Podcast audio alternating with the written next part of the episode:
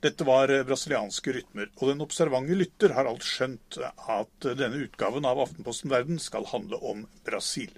Landet er midt inne i en politisk og økonomisk krise. Den 5. august tennes den olympiske ild, men de lekene som skulle vist det moderne Brasil med ambisjoner, er i dag et krisepreget land.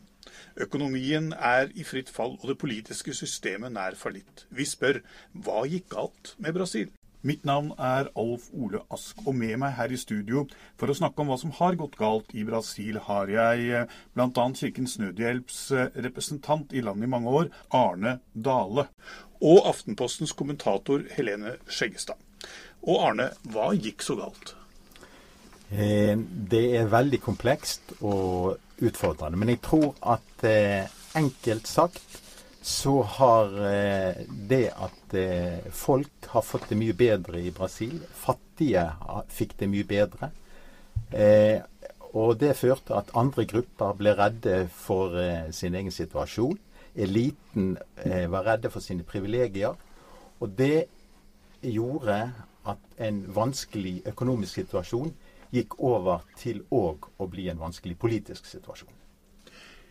Så du mener at hele det problemkomplekset vi nå ser i Brasil, bunner i, i eh, denne økonomiske nedgangen vi har sett? Det er jo et land med negativ vekst, som økonomene kaller det. Ja, fordi at i oppgangstiden så var alle fornøyd. Da eh, var det sosiale programmer for eh, de fattige, og veldig mange fattige kom ut av fattigdommen. Eh, de aller fleste innenfor middelklassen eh, fikk del av veksten, og eliten mistet ingen av sine privilegier. Eh, du har også reist rundt i, i, i Brasil og, og, og, har kommentert utviklingen i, i, landet. Hva sier du om, om analysen til Arne? Ja, Det er veldig mye riktig i den. Jeg tror det er helt åpenbart at denne krisen eh, bunner i økonomiske problemer. Sånn som du sier, når jeg var i Brasil i eh, 2013, så var jeg der for å lage en reportasje om det økonomiske hurtigtoget i Latin-Amerika. Nå kan vi vel heller snakke om en eh, damplokomotiv i revers. Eh, og det er jo mange eh, grunner til det. Enkelte ting kunne ikke eh, brasilianske myndigheter kontrollere. Hva mener du med det? Hva er det de selv ikke kunne kontrollere? Nei, F.eks. fall i råvarepriser, fallende oljepris, hva som skjer i Kina f.eks. Men eh, det vi har sett, er jo at brasilianske politikere har svikta i å ha et system som var klar for disse endringene som kom i, i verdensøkonomien. Og derfor har det jo òg utvikla seg til en politisk krise. Men, men, Arne, er det ikke riktig å si at en del av de nedturene som man har sett i brasiliansk økonomi, de startet jo før eh, man fikk tilbakegangen i kinesisk økonomi, og før oljeprisene falt, og, er på mange måter innenlands eh, skapt? Eh, altså, Konfliktene i, i Brasil går nok lenger tilbake. Men, men, og, men jeg tror nok òg at alt dette blir veldig forsterket av den økonomiske situasjonen som òg rammer eh, Brasil. Eh, disse årene med, med, Lula som president, fattiggutten som eh, kom til topps, og som på en måte i dag, i hvert fall inntil han ble siktet for korrupsjon, var en slags landsfader i, i Brasil. Disse årene her sånn samlet jo også nasjonen, brakte millioner av mennesker ut av, av fattigdom. Du som har fulgt det sosiale arbeidet på vegne av Kirkens Nødhjelp i landet, hvor mange er det som siger tilbake igjen i fattigdommen?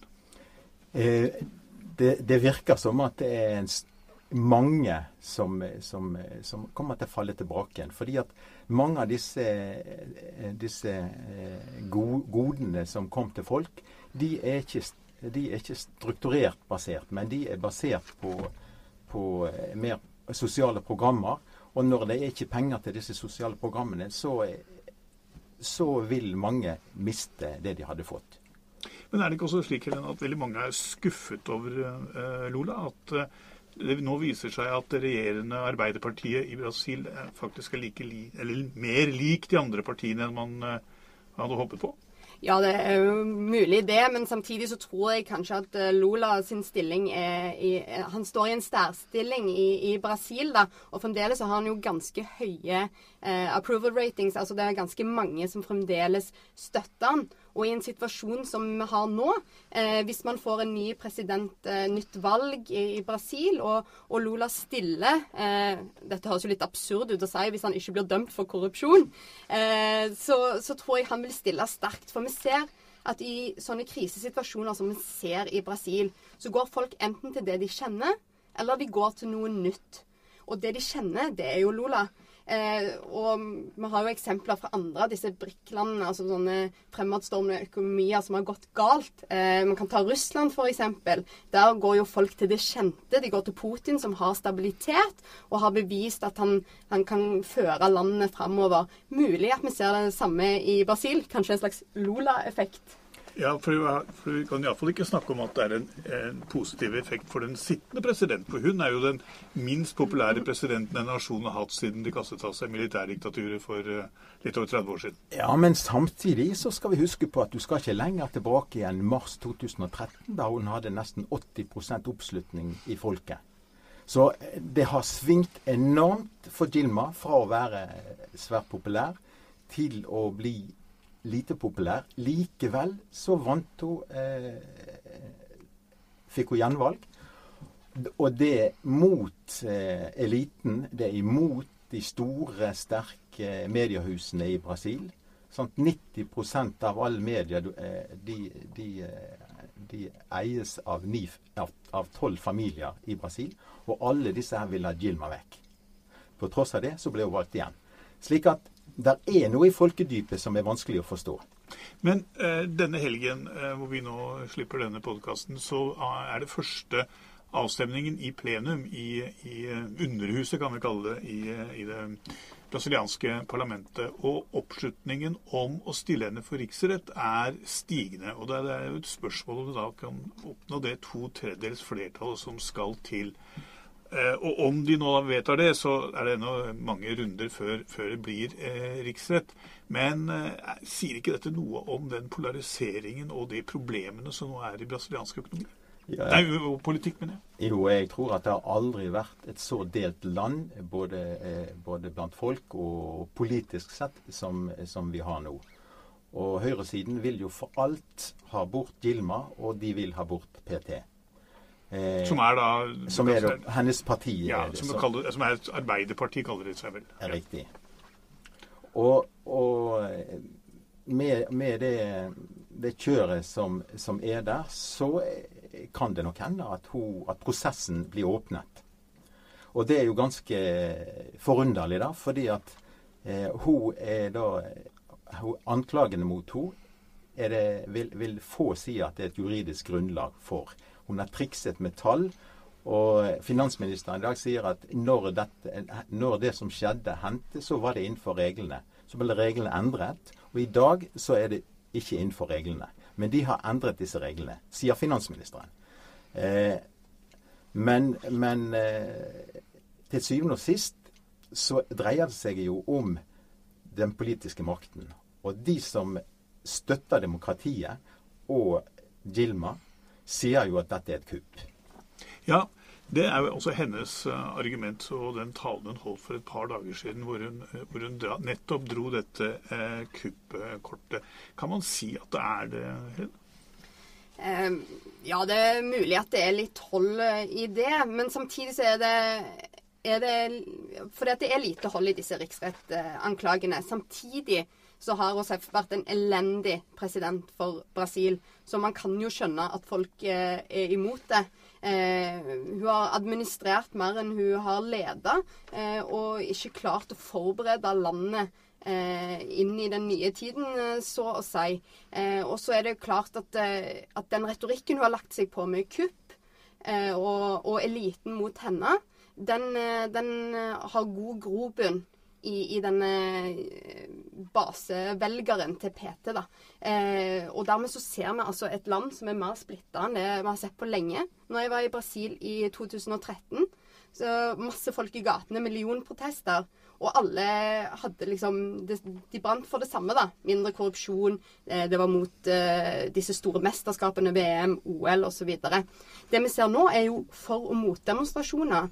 Eh, for og mot Gilma, som, som da eh, preger, preger, bybildet. Så det, det, ser helt annerledes ut enn det det gjorde i 2013, rett og slett. Men jeg tror nok òg at de som, de som går på gatene og sier at de er imot et kupp, de ser, det, det, det, er ikke alle av de som er støttespillere til Gilma. Men det er mange av de som er redd for demokratiet. Fordi at Gilma er valgt i, i, i, av folket. Hvis hun blir tatt bort eh, ved hjelp av riksrett på en sånn måte der det ikke er grunnlag for, så vil folk i Brasil bli engstelige for hva demokratiet Eh, hvilken framtid demokratiet har i, ja. i, Brasil. Og de er vel kanskje òg engstelige for hvem som tar over. For det er vel, eh, vi har vel ingen garanti for at den som står og er klar for å ta over, er noe, nødvendigvis noe bedre enn eh, en Rousseff. Nei, og det er, jo, det er jo det som er det. Introducing Wondersuite from Bluehost.com. Website creation is hard. But now with Bluehost, you can answer a few simple questions about your business and get a unique WordPress website or store right away. From there, you can customize your design, colors, and content. And Bluehost automatically helps you get found in search engines like Google and Bing. From step-by-step guidance to suggested plugins, Bluehost makes WordPress wonderful for everyone. Go to bluehost.com/wondersuite.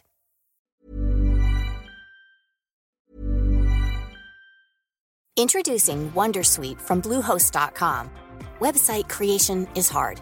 But now with Bluehost, you can answer a few simple questions about your business and get a unique WordPress website or store right away. From there, you can customize your design, colors, and content. And Bluehost automatically helps you get found in search engines like Google and Bing. From step-by-step guidance to suggested plugins, Bluehost makes WordPress wonderful for everyone. Go to bluehost.com/wondersuite. underlig her, da, fordi at han som innledet prosessen i deputerkammeret, Kunya, han er jo beskyldt, og det er rettelig vist at han har eh, kontoer i Sveits, eh, mye penger plassert der. Eh, Temer, som er visepresident, som da vil rykke opp til å bli president, har òg store anklager på korrupsjon. Og jeg vil jo kanskje si at Dilma faktisk er en av de reneste av de sentrale politikerne i Brasil. Ja, Hun er jo faktisk, til tross for at hun har vært styreleder i, i Petrobras, som vi skal snakke om et lite øyeblikk, eh, så er hun jo da en av de få som ikke er eh, siktet for korrupsjon ennå, men hun er siktet for mye annet. Ja. Ja. Eh, og, og, hennes visepresident, der foreligger det allerede en høyesterettsdom som sier at hvis han rykker opp som president, så bør man opp, åpne en riksrettssak mot han også for det samme som mot, mot henne. sånn at, at dette vil jo være et sirkus som kan fortsette i det uendelige. Ja, Dette er et politisk kaos som jeg aldri har sett maken til i Brasil. Men la oss nå eh, ta en liten runde om denne korrupsjonssaken, som hadde sitt utgangspunkt i det delvis statskontrollerte oljeselskapet Petrobras, og som nå regnes for å være verdens største korrupsjonssak, uh, og som ifølge de som følger den veldig tett, er halvveis uh, når det gjelder etterforskning det er jo hundrevis som, som, eh, som er fengslet uh, i, i, i, denne saken. Tror du virkelig at de kommer til bunns i den, Arne? Nei, men det som jeg syns Dette har to sider. Det ene siden er jo det er jo veldig bra at dette blir tatt tak i. Og, og det som eh, Lola vil si, er at det som nå skjer, er fordi at han i sin periode opprettet institusjoner som kan ta tak i eh, korrupsjon. Og han er for og han syns det er viktig at folk eh, altså at korrupsjon blir eh, tatt tak i og, og, forfulgt, og at de som er involvert, blir dømt. Eh, så, så, men det som er den store utfordringen, er jo at eh, i dag så er det blitt mer og mer en politisk dreining i dette. Slik at det som alle burde være interessert i å få korrupsjon på bordet og få det bort, det, det blir nå vinklet slik at det er bare PT sine anklager som, som kjøres fram i media. Mens de andre i opposisjonen som, som eh, rammes av dette her, det blir bare små notiser. Så de skal ta partiet til Dilma og Lola. Eh, så, så en, hvis det blir sånn, så er det vel vanskeligere å få det til. Ja, det, det, da jeg var i Brasil på reportasjereise ganske nylig, var det veldig mange intellektuelle folk eh, i universitetsmiljøer og sånn som nettopp pekte på at, at denne korrupsjonssaken, i stedet for å forsøke å rydde opp nå, så blir den en del av den polariserte politiske debatten. Og dette har jo skjedd før. Altså Hvis du går tilbake i 92, når eh, president Collor eh, ble satt, og han, han hadde, kom fra et lite parti. Han var en han var, hadde ikke stor, stor, backing i parlamentet, men han styrte mye med dekreter. Så det kan en president gjøre uten nødvendigvis å ha backing i parlamentet. Og dette likte jo ikke eliten. Men han hadde gått på valg mot korrupsjon. Og ganske kort tid så var halvparten av regjeringen hans eh, forsvunnet pga. korrupsjon. Og til slutt så ble han òg da eh, fremstilt som, eh, som, korrupt. Men forskjellen Og han måtte jo da gå som president etter riksrett. Men forskjellen og de som, eh, er jo at han var korrupt, og de hadde de bevis for. Men når det gjelder Gilma, så har de ikke Det er ingen som har kommet med bevis på at hun er korrupt, men de har denne saken som eh, de drar fram i, i riksrett. Så det, er, så det har hendt før, men, men, da var det en annen eh, bakgrunn for det. Ja, Det er jo veldig fascinerende å høre hvordan korrupsjon blir brukt som et politisk virkemiddel på lik linje med, med reformer eh, og med annen politikk. At det kan vris på den måten der. Eh, og Arne, tenker du at det er noen sjanse for at, eh, at, det kan komme en politiker i Brasil som er ren? Altså, Jeg har en, en bekjent som ble valgt inn i deputerkammeret eh, ved siste valg. Og jeg traff han forrige i fjor like etter at han var blitt valgt inn. Og jeg sier til han jeg er bekymra for hvordan du skal klare å holde deg ren som politiker i parlamentet her. Og der sier han det er klart det er jeg òg. Og jeg ser jo, sier han, at det er møter som jeg blir invitert til, og det er møter som jeg ikke blir invitert til. Nettopp fordi at eh, jeg ikke er involvert i dette. Og Systemet virker jo slik at hvis du involverer deg i korrupsjon, ja da er du en del av gjengen. Da er du med og har innflytelse. Holder du deg utenfor, så er du farlig for de som er innenfor, og har ingen stor innflytelse. Olympiske leker. Det er et par år siden uh, fotball-VM, og nå er det OL. Uh, Rio de. Det er en stor forskjell her. Uh, Fotball-VM ble arrangert av en uh, svært korrupt organisasjon som heter Fifa, og, og, et, og av Brasil som nasjon. Det er Rio de Janeiro som arrangerer OL. Eh, IOC, eh, hvor korrupt den er, skal vi eh, la ligge i, i denne omgangen. Men, men, veldig mange av de folka som forsker på korrupsjon, sier at det faktisk er en forskjell, fordi det er Rio som det er litt mer orden på enn, enn hva det er på Brasil, som, som arrangerer OL. Og du, Arne, som har vært er det, 75 ganger, 75 ganger, ja. 75 ganger i Brasil de siste årene.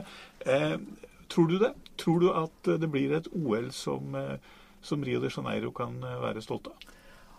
Altså, jeg vil tro at det vil være veldig mye bråk på forhånd.